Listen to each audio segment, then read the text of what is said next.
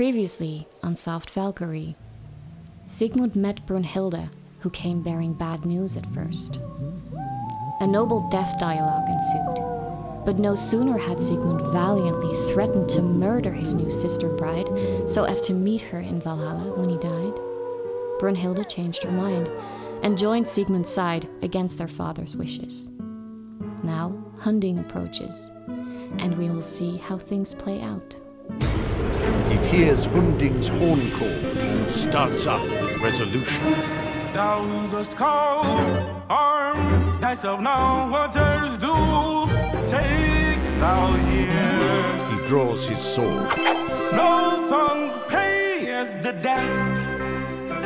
He hastens to the background and, on reaching the pass, disappears in the dark storm cloud from which a flash of lightning immediately breaks.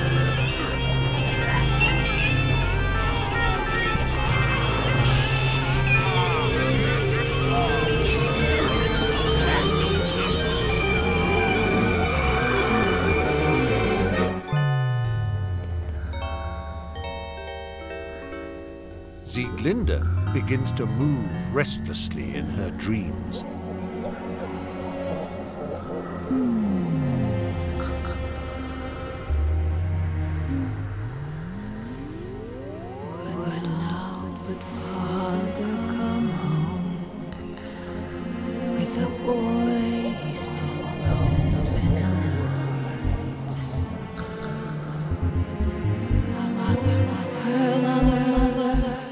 Quake with fear, with eyes unfriendly, loved strangers.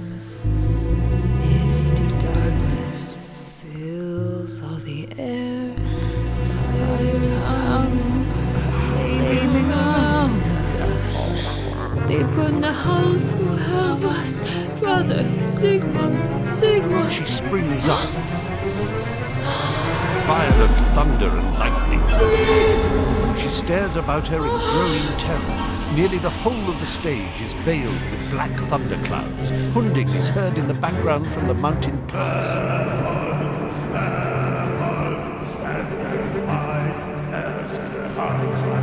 Siegmund responds from farther off in the ravine.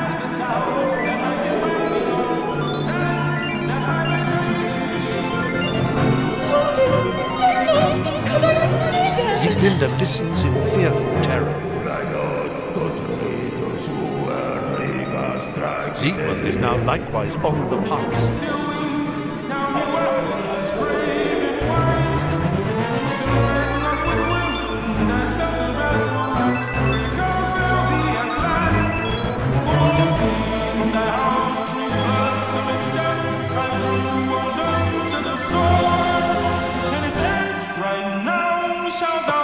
lightning illuminates the rock for an instant, during which Hunding and Siegmund are seen in mortal combat.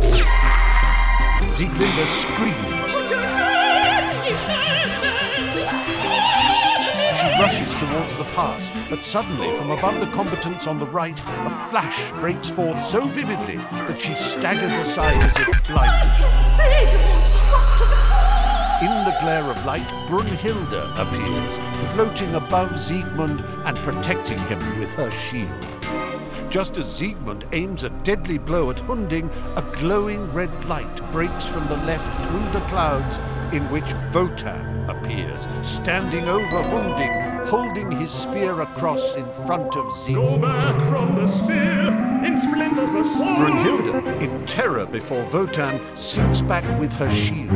Siegmund's sword snaps on the outstretched spear. Hunding plunges his spear into the disarmed Siegmund's breast. Siegmund falls dead to the ground.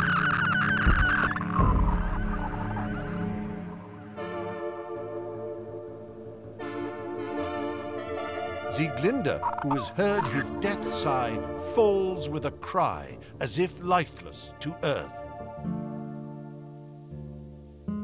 With Siegmund's fall, the two lights disappear. Dark clouds cover all but the foreground. Through them, Brunhilde is indistinctly seen as she turns in haste to Sieglinde. To horse, let her She She lifts Sieglinde quickly onto her horse, which is standing near the side gorge, and immediately disappears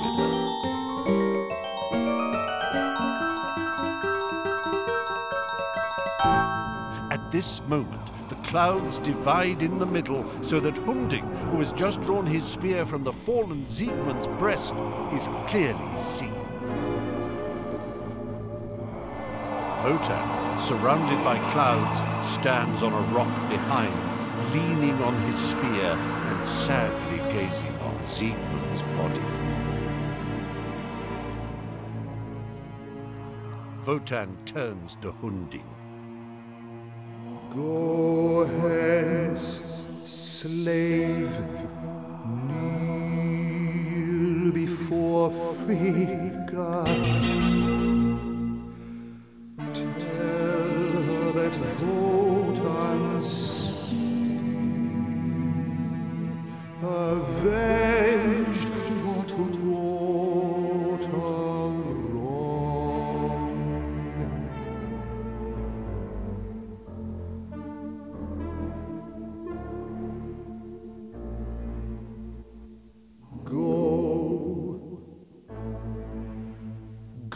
Before the contemptuous wave of Wotan's hand, Hunding sinks dead to the ground.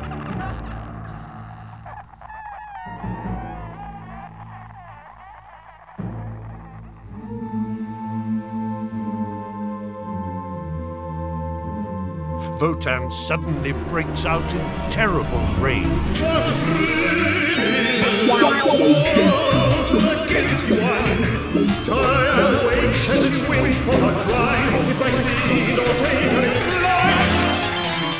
Disappears with thunder and lightning. The curtain falls quickly.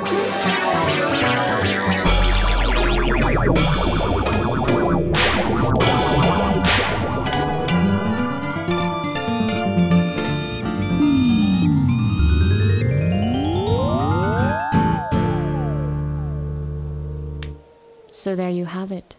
Siegmund and Hunding are both dead on the rock. Brunhilde has escaped with Sieglinde, and Wotan is in a furious rage. What will happen next? To find out, you'll have to tune in next time to Soft Valkyrie.